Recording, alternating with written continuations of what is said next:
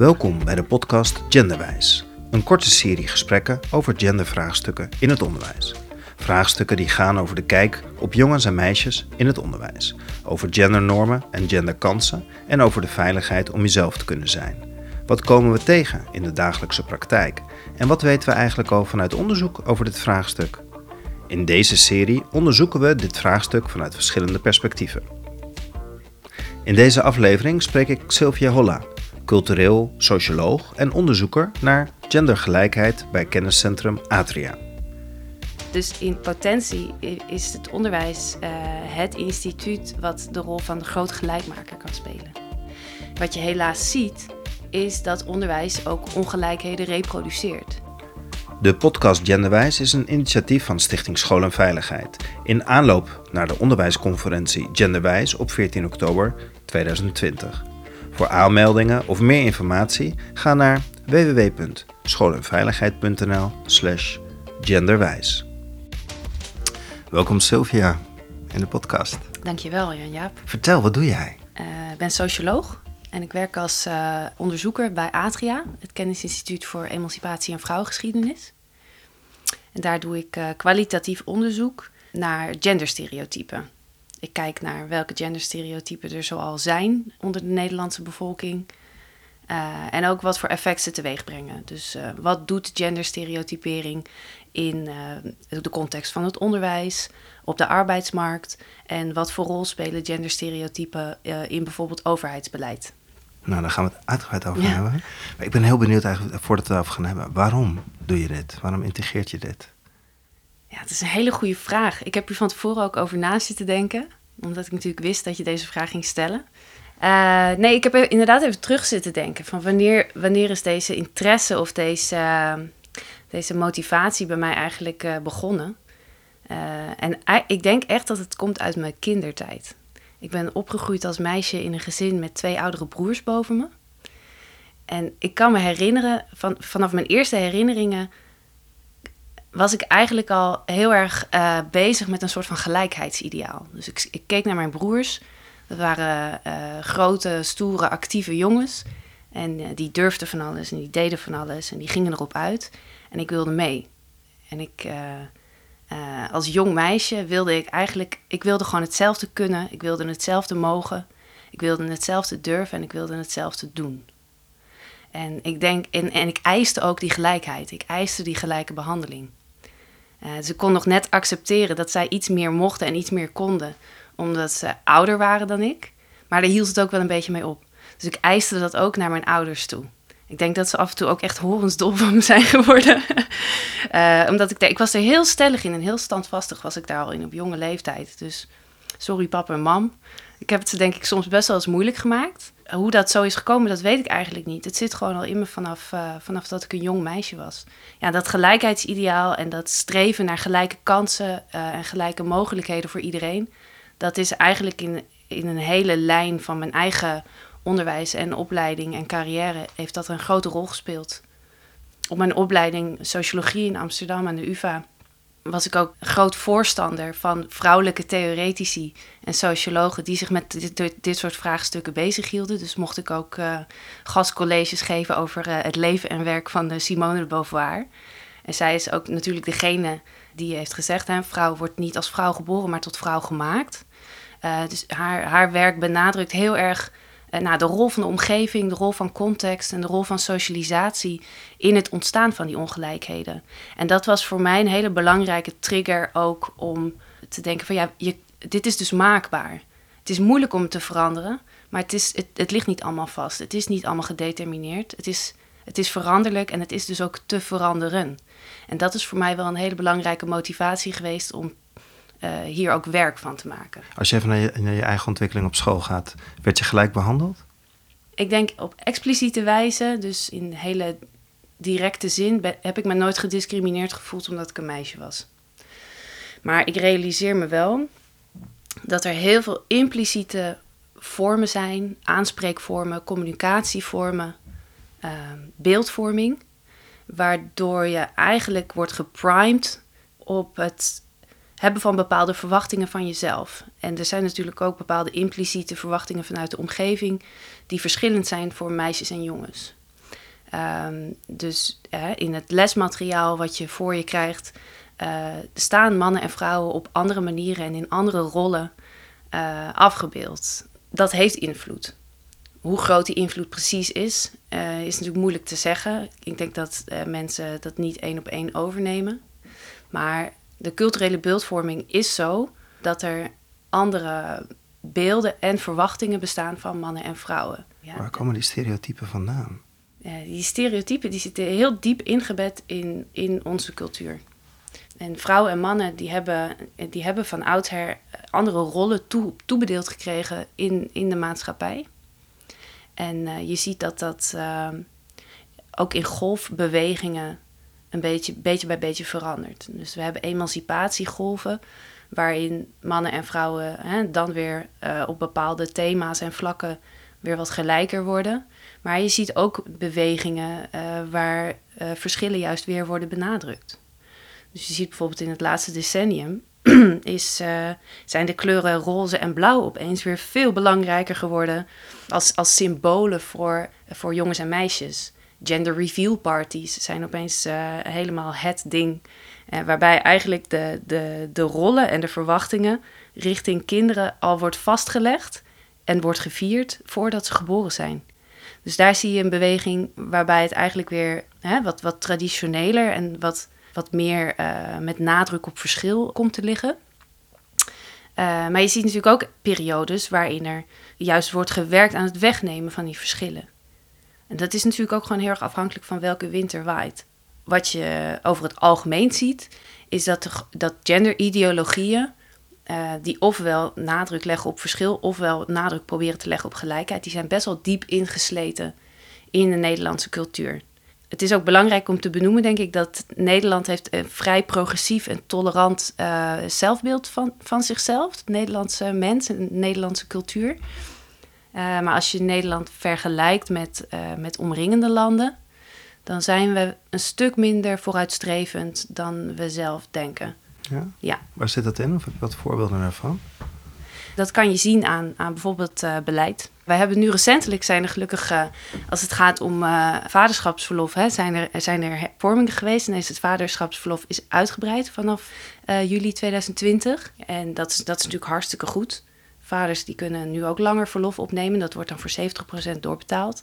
Dat geldt wel voor vaders die in dienst zijn, niet voor ZZP'ers. Uh, en dat is hartstikke goed. Ik denk dat Nederland daarmee echt een stap in de goede richting zet en ook dichter komt bij de buurlanden, waar dit soort verlofregelingen voor vaders al langer bestaan op een uitgebreidere manier. Maar beleid is ontzettend normerend. En beleid is niet alleen een praktische voorziening, maar beleid is ook echt normstellend. Dus uh, op het moment dat je uh, zorgverlof of ouderschapsverlof voor mannen en vrouwen heel ongelijk laat zijn, waarbij de vrouwen dus veel ruimere voorzieningen aangeboden krijgen dan, uh, dan vaders, ja, dan, dan geef je als overheid denk ik ook een boodschap af. Namelijk dat vrouwen inderdaad de primaire verzorgers zijn en dat dat iets is wat zij niet alleen doen, maar ook zouden moeten doen. En dat dat voor mannen eigenlijk geen primaire taak hoeft te zijn. Dat mannen, dat mannen bijvoorbeeld zich meer zouden moeten voorstaan op het kostwinnerschap, op geld verdienen. En wat zie je dan specifiek in het onderwijs als het gaat over genderstereotypen? Wat is de, de, de opdracht eigenlijk aan het onderwijs? Ik vind, het, ik vind het heel tof dat ik nu in deze podcast een opdracht mag formuleren voor het onderwijs. Ik voel me vereerd. Het onderwijssysteem als institutie is dat natuurlijk het systeem waar alle kinderen doorheen moeten. Dus in potentie is het onderwijs uh, het instituut wat de rol van de grote gelijkmaker kan spelen. Wat je helaas ziet, is dat onderwijs ook ongelijkheden reproduceert. Uh, dus dat die belofte van grote gelijkmaker niet altijd bewaarheid wordt. En dat is ontzettend jammer, want de potentie is er zeker wel. Dus ik denk dat het goed is om te kijken naar hoe je die potentie waar kunt maken. En dat gaat natuurlijk om verschillende ongelijkheden. We hebben het nu over genderongelijkheid, dus ongelijkheid tussen jongens en meisjes.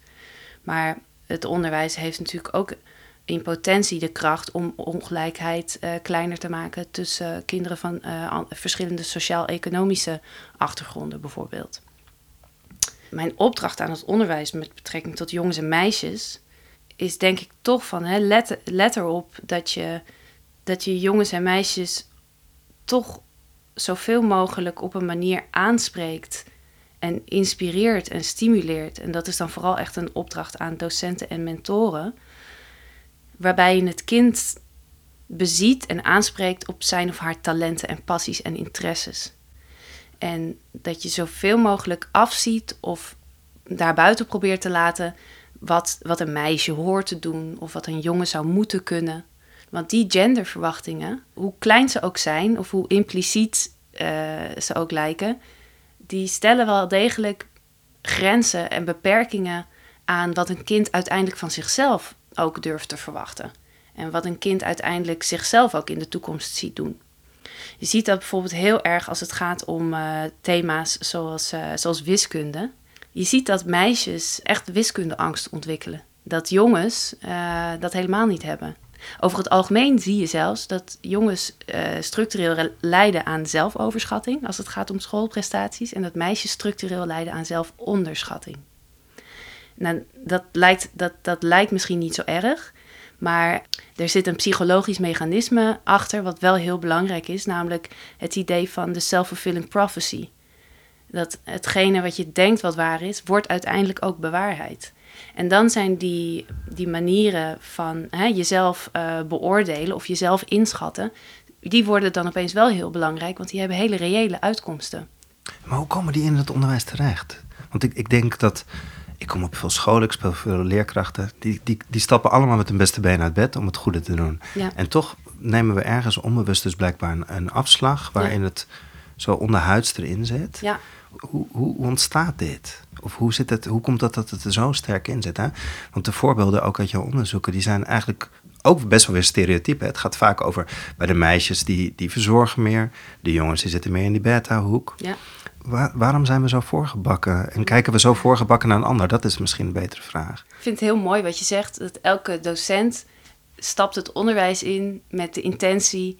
ik wil dit goed doen. En ik wil dit voor iedereen goed doen. Hè? Dus ik denk dat er geen enkele docent is die denkt... ik ga iedereen eens even lekker ongelijk behandelen... zodat jongens en meisjes op hele verschillende plekken terechtkomen in hun leven.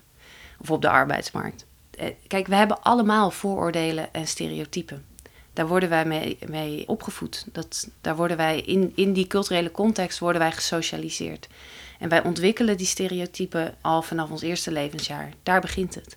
En omdat we ze allemaal hebben, is het ook in, in die zin, is, het, het is niemands schuld. Ik ben absoluut niet uh, degene die wil vingerwijzen uh, wie het goed en wie het fout doet. Het is ingebakken in onze cultuur. Um, dus een van de eerste stappen die we daarin kunnen zetten is in ieder geval bewustwording van het feit dat we allemaal genderstereotypen hebben. We hebben allemaal vooroordelen op basis van categorieën waarmee we de wereld indelen, waarmee we de wereld voor onszelf ook soort van kunnen ordenen en overzichtelijk kunnen maken. Dus het is eigenlijk mens-eigen dat wij stereotypen en vooroordelen hebben. Maar ik denk wel dat op het moment dat je je daar bewust van wordt, niet alleen dat je ze hebt, maar ook wat voor effect het heeft, en vervolgens ook meteen de stap uh, maakt. Hoe kan ik, wat kan ik hieraan doen? Hoe kan ik het anders doen? Zodat het verandert. Zodat het in ieder geval effecten heeft die niet voor ongelijkheid zorgen. Ja, dan zijn we op de goede weg. Dat snap ik, hè? want het is, het is cultureel bepaald, zeg je dus eigenlijk. Dus je kan het ook veranderen. Ja, absoluut. Ja. Maar die bewustwording, hoe word je daarvan bewust? En hoe verander je dan ook echt dat, dat gedrag? Ja, het klinkt ook veel makkelijk, makkelijker dan het is. Het is echt complexe materie. Ja, heb je mooie voorbeelden? Of kan je ons meenemen in de zin van, oh ja, maar ik heb heel lang kleuters gehad. Ik ben bang dat ik zoveel fout heb gedaan. Zo onbewust, zeg maar. Ja, het is onbewust en het zit hem ook heel erg in de, in, in de kleine dingen. In de aanspreekvormen. Inderdaad, in het, het maken van dat soort verschillen op basis van, uh, van geslacht. En we maken die verschillen ook uh, op momenten en op plekken waar het eigenlijk helemaal niet nodig is. Ergens, ergens vind ik het ook wel logisch dat we dat doen. Als je kijkt naar hoe belangrijk man zijn of vrouw zijn in onze cultuur is voor onze identiteit, voor hoe wij onszelf zien, hoe wij onszelf voelen, hoe wij onszelf omschrijven, dan begrijp ik dat man zijn en vrouw zijn, jongen zijn en meisjes zijn, dat, dat, dat, gaat, dat gaat van kinds af aan een belangrijke rol spelen. Het is echt een identity marker, uh, zo wordt dat genoemd. Als je zegt, uh, we gaan alles genderneutraal doen, dan ontstaat er ook een maatschappelijke woede. En die heeft volgens mij daar te, daarmee te maken. Met het feit dat, dat dat klinkt alsof je zegt...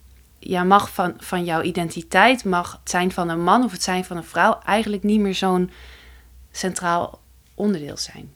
En dat is natuurlijk problematisch, want daarmee ga je knagen aan iemands, aan iemands zijn, aan iemands identiteit en aan iemands gevoelde zelf. Uh, dus ik begrijp dat mensen dat niet heel graag los willen laten. En ik denk ook niet dat de boodschap moet zijn: hè, jongens en meisjes en verschillen mogen niet meer bestaan. Ik denk eerder dat de boodschap is dat we daar veel flexibeler in moeten zijn.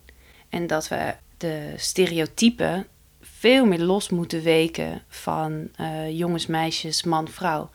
Maar dat we moeten zeggen, nou, hè, het, het zijn menselijke kwaliteiten. Zorgzaamheid is geen vrouwelijke kwaliteit. Het is een menselijke kwaliteit. En mannen zijn daar ook goed in. Als je ze er genoeg mee in aanraking laat komen. En als je, als je het uh, op zo'n manier overbrengt dat zorgzaamheid voor jongetjes niet iets is uh, om je voor te schamen, omdat het meisjesachtig is of omdat je dan een watje bent. Maar dat het iets is waar je trots op mag zijn en dat dat een talent is wat je inderdaad wel prima mag ontwikkelen. Ja, dan, dan creëer je volgens mij echt een veel mooiere en betere wereld. Niet alleen omdat je hè, op den duur meer mannen in zorgzame beroepen krijgt, uh, in het basisonderwijs of in de zorg, uh, maar ook uh, op individueel niveau. Je, je laat mensen, je, je staat het mensen toe, je staat het kinderen toe en later ook volwassenen, sta je toe om, om zichzelf te kunnen verwezenlijken. Want ik geloof echt dat als je die begrenzende genderstereotypen weg, weghaalt, en dat is natuurlijk makkelijker gezegd dan gedaan, maar als dat, als dat vermindert, die kaders, dan denk ik echt dat mensen gelukkiger worden. Dat mensen dichterbij komen bij wat ze zelf willen, waar ze goed in zijn, uh, wat voor hun goed voelt. Dus veel dichter bij hun, hun, persoonlijke passies en interesses kunnen komen. En als je naar het basisonderwijs kijkt, hè, dat is heel vrouwelijk ingericht. Ik geloof 90% is een beetje vrouw die daarin werkt. Het mm is ook een voorbeeld waar vrouwen veel uh, leiderschapsplekken hebben. Mm -hmm. hoe, hoe, hoe zie jij dat en, en hoe zou je dat kunnen doorbreken um, dat het meer gelijk wordt?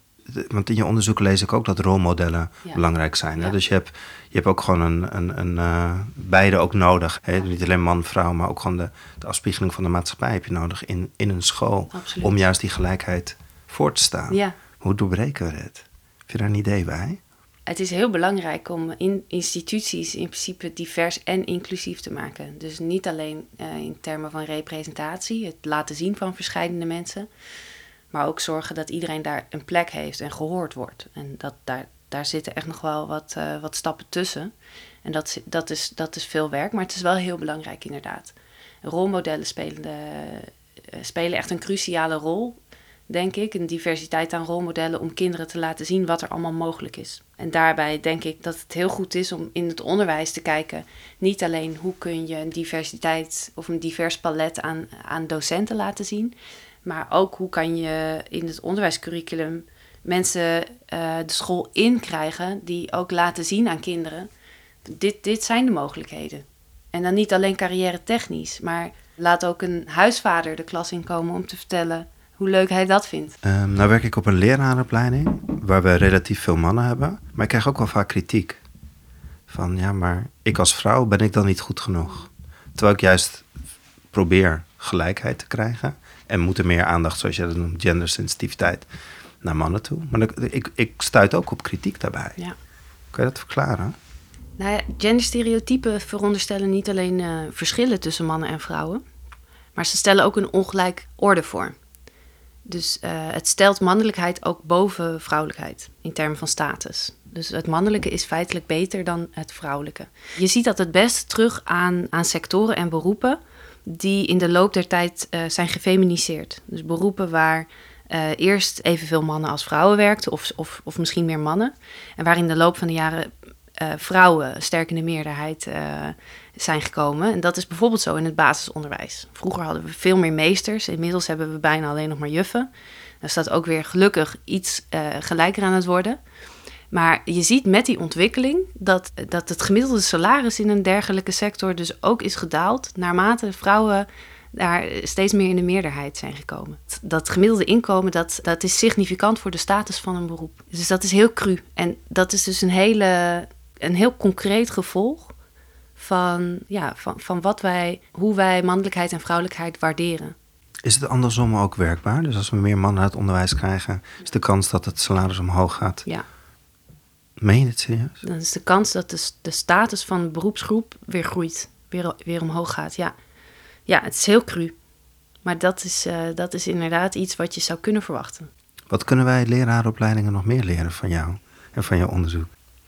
Nou, ik denk dat ik de, de mensen die jij uh, klaarstoomt om uh, in het onderwijs te gaan werken, uh, dat die hebben natuurlijk echt een sleutelpositie in het, het doorbreken van genderstereotypen in de klas. dus ik denk dat pabo's zijn super belangrijk in het opnemen van het werken met rolmodellen, het werken met counterstereotypen en überhaupt de bewustwording van hè, wat doet genderstereotypering nou met, met kinderen dat is echt cruciaal. Dus uh, ja, als, als jij dat uh, voor ons zou willen doen, zou dat echt super zijn. Ja, moet je me wel blijven voeden met je onderzoek. Ja, nee, dat is goed. je hebt er onderzoek naar gedaan, ja. ja. tegen de stroom in. Ja. Tegen de genderstroom in, moet ik zeggen. Vertel. Ja, dat is echt een van de leukste studies die ik in de afgelopen jaren heb gedaan. Ja? Ja, het is jammer dat de mensen die nu luisteren niet kunnen zien hoe, hoe breed ik zit te glimlachen als ik hierover zit, over kan praten. Uh, nee, het is een hele mooie studie geweest. En dat hebben, hij is net afgerond, hij is ook uh, net gepubliceerd. Atria zit in een, uh, in een alliantie, Werk en de Toekomst heet dat. Samen met andere organisaties, waaronder Emancipator, Nederlandse Vrouwenraad en VATO. En die studie die richt zich met name op personen die tegen de genderstroom inzwemmen. Dus die eigenlijk gender-nonconforme rollen en posities hebben in het leven. Dat hebben we heel breed opgevat. Dus mensen kunnen een counterstereotype positie hebben uh, op hun werk. We hebben mannen gesproken die als verpleger in een ziekenhuis werken. Uh, we hebben vrouwen gesproken um, die op een leidinggevende positie zitten bij de brandweer. Uh, we hebben huisvaders gesproken. We hebben uh, jonge vrouwen gesproken die uh, uh, op een opleiding zitten waar bijna alleen maar jongens zijn, waar ze als enige meisje in de klas zitten. En andersom, andersom ook. Ik heb een jongen geïnterviewd die deed een opleiding waarbij hij uiteindelijk op een kinderdagverblijf zou gaan werken. Die zat midden in zijn stageperiode ten tijde van, van het interview dat ik met hem had. Hele, hele interessante, bijzondere mensen. Met name omdat wij weten uit, uit onderzoek uit voorgaand onderzoek, dat het, het, is, het is wel degelijk mogelijk om mensen te stimuleren hè, om, om andere keuzes te maken. Dus er zijn al jaren zijn er allerlei programma's en interventies die worden uitgevoerd om bijvoorbeeld meer meisjes te krijgen uh, richting de ICT-opleidingen. Dat heeft effect. Dat heeft een positief effect. Dat lukt. Echter, om uh, meisjes en jonge vrouwen die keuzes vol te laten houden, dus om ook te zorgen dat die meisjes daadwerkelijk doorstromen naar een sector, een ICT-sector, waar ze ook uh, niet alleen een jaar, maar voor jaren werkzaam blijven in een technische functie, dat is veel moeilijker. En de mensen die wij nu hebben gesproken in dit onderzoek tegen de genderstroom in, dat zijn mensen die, nou in ieder geval tot nu toe, hun keuzes hebben volgehouden. Wij hebben in eerste instantie gekeken van wat heeft deze mensen nou geholpen om, deze, om, om dit vol te houden. Want we weten dat, hè, dat ze tegen een vrij sterke culturele stroom inzwemmen. Wat zouden we ook nog kunnen doen om bepaalde barrières waar ze wel tegenaan lopen, om die weg te nemen? En daar hebben we heel uitgebreid met deze mensen over gesproken. Het waren echt interviews van twee à drie uur. En ik moet zeggen, ik, het, zijn, het zijn ook allemaal stuk voor stuk hele leuke, interessante mensen geweest die we, die we hebben leren kennen op deze manier. Het zijn ook echt wel, het merendeel is ook echt eigenzinnig, sterk van karakter en dat moet misschien ook wel. Hoe houden ze het vol? Wat, wat kwam eruit? Er komen heel veel verschillende dingen uit. Maar een van de belangrijkste bevindingen uit dit rapport, uit dit onderzoek, is wel dat, dat het hebben van rolmodellen, dat dat toch wel echt heel erg belangrijk is. Dus dat het, uh, het heeft heel veel mensen enorm geholpen om iemand in de omgeving, nabij of meer op afstand, om een voorbeeld te hebben uh, van iemand en vervolgens een pad uh, daar naartoe uit te stippelen. En een rolmodel, een rolmodel is een voorbeeld. Dus dat is iemand die, die zit op een bepaalde positie waar je misschien zelf ook wel zou willen komen. Maar het niveau van identificatie of het niveau van vereenzelviging met een rolmodel, dat, dat bleek voor iedereen verschillend te zijn. De manier waarop mensen zich aan een rolmodel spiegelen is helemaal niet per se uh, genderrol of geslacht. Dat kan ook huidskleur zijn, maar het kan ook karakter zijn, manier van doen, de manier waarop iemand in het leven staat.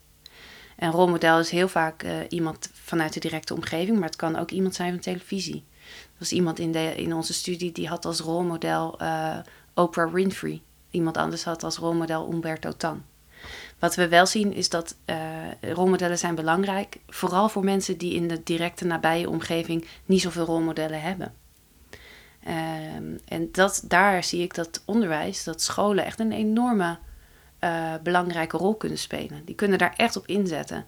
Door eigenlijk alle kinderen in aanraking te, komen, te laten komen met, met rolmodellen. Met verscheidene mensen ja, die gewoon vele, vele verschillende levenspaden eigenlijk kunnen laten zien op een, op een positieve manier.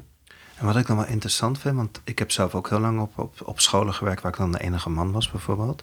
En in je onderzoek las ik dan ook dat, en als ik dan terugkijk, heb ik dat misschien ook wel gedaan, onbewust, dat je het eigenlijk ook die, die verschillen in stand houdt met elkaar. Ja, heel plat gezegd, heel veel juffen gingen heel erg voor me zorgen. En, en als hij maar niet weggaat, weet je wel.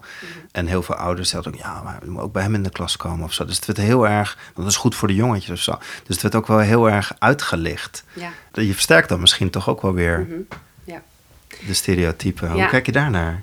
dat maakt, dat maakt de materie soms nog wel eens extra complex. Dan denk je dat je er bent en dat je aan het toewerken bent naar hè, meer diversiteit en meer verscheidenheid.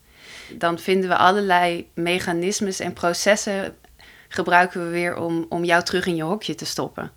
Dat proces, dat heet tokenisme. Dus dan word je eigenlijk als een, een soort van token, als een, het voorbeeld van, van de man op school in jouw geval, word je eigenlijk op een voetstuk gezet. Tokenisme is, eh, gebeurt vanuit een hele positieve motivatie, een positieve waardering van genderstereotype eigenschappen. Dus wat er is gebeurd, is jij bent als man in een context gaan werken die eigenlijk uh, stereotyp vrouwelijk is. Een gefeminiseerde omgeving van het basisonderwijs. En juist omdat je daar als enige man bent, word je als token uh, op een voetstuk gezet vanwege jouw mannelijke eigenschappen.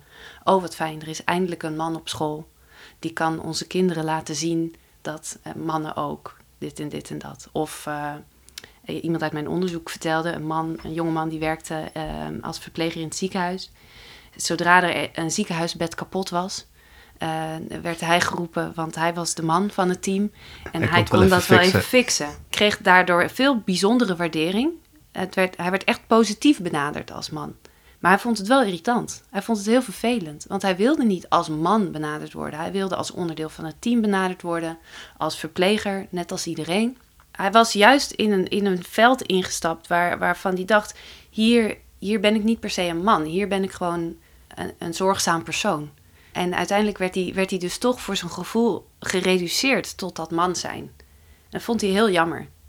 Het, eh, dat is het kromme. Dat, dat tokenisme, dat gebeurt vanuit de beste bedoelingen niemand is negatief. Het gebeurt op basis van positieve uh, beoordeling van, uh, van jouw mannelijke, stereotyp mannelijke eigenschappen. Zoals dat je sterk bent of daadkrachtig, noem maar iets.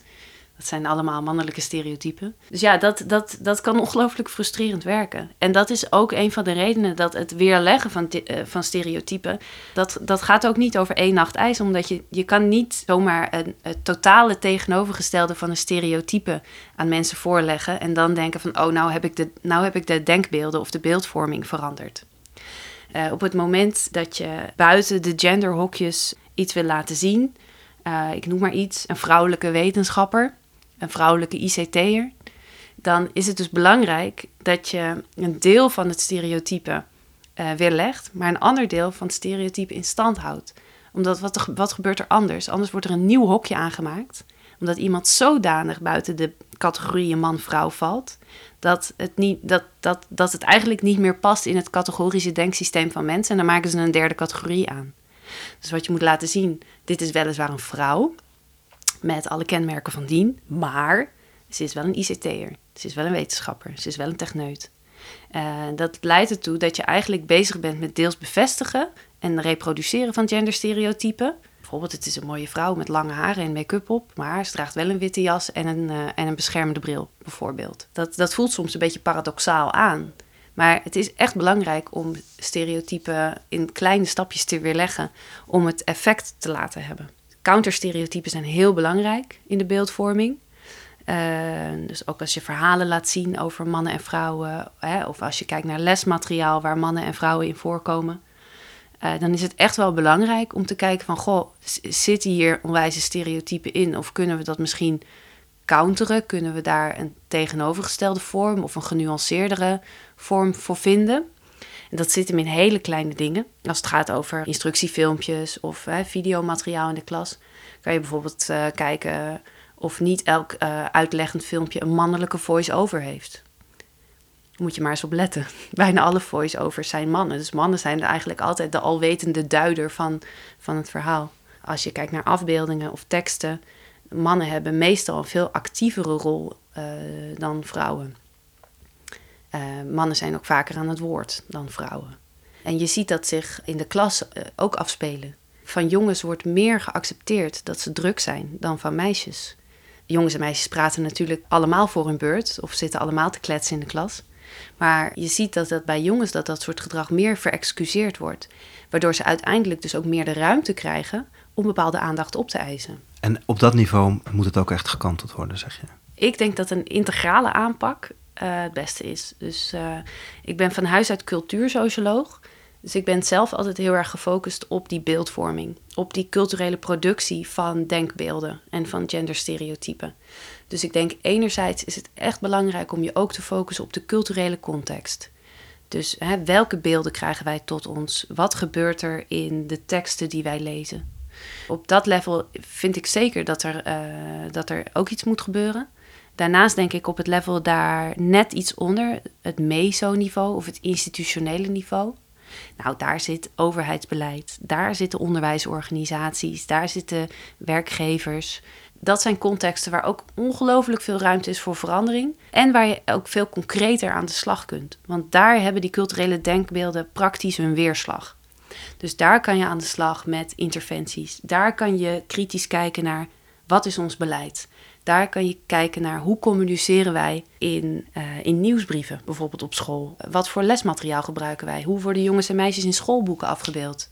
En niet alleen jongens en meisjes, maar hoe divers zijn die jongens en meisjes eigenlijk die we op die foto's zien bij die, uh, bij die rekensommen of bij die taaloefeningen? Zitten daar kinderen van kleur uh, bijvoorbeeld ook bij? En hoe worden die afgebeeld? Wat zijn de machtsverhoudingen? En dat zit hem vaak wel in de nuance. Dus er zijn visuele tekenen waarop je dat af kan lezen. Maar het mooie is dat er heel veel mensen zijn met heel veel kennis van hoe je die visuele aanwijzingen kunt herkennen en ook hoe je ze kunt veranderen. Uh, en die kennis wordt in allerlei uh, trainingen en interventies verwerkt en overgebracht uh, in, de, in bijvoorbeeld de onderwijspraktijk, maar ook op de werkvloer. dus het is eigenlijk heel, heel belangrijk dat dat soort interventies plaatsvinden, dat de overheid dat ook stimuleert eventueel financiert, ruimte voor maakt. En tegelijkertijd moet er natuurlijk goed worden gekeken naar beleid. Dat het in ieder geval niet genderstereotyperend is. En op het moment dat je bijvoorbeeld je beleid richt op een, op, een, op, op een gebied wat heel ongelijk is, dan moet je misschien wel kiezen voor een juist een gendersensitieve aanpak. En wat is dat, gendersensitieve aanpak? Ja, ik maak het nu wel extra ingewikkeld, denk ik. Ja, wij staan ons natuurlijk voor op dat je, uh, dat je niet genderstereotyperend te werk gaat. Dus Mhm. dat je in principe mannen en vrouwen, jongens en meisjes, dat je iedereen eigenlijk gewoon uh, uh, op een manier benadert waar op een persoonlijke manier benadert. Um, en genderstereotypen daarbij zo, zo min mogelijk een rol laat spelen in wat je van mensen verwacht of, of de kansen die je mensen gunt.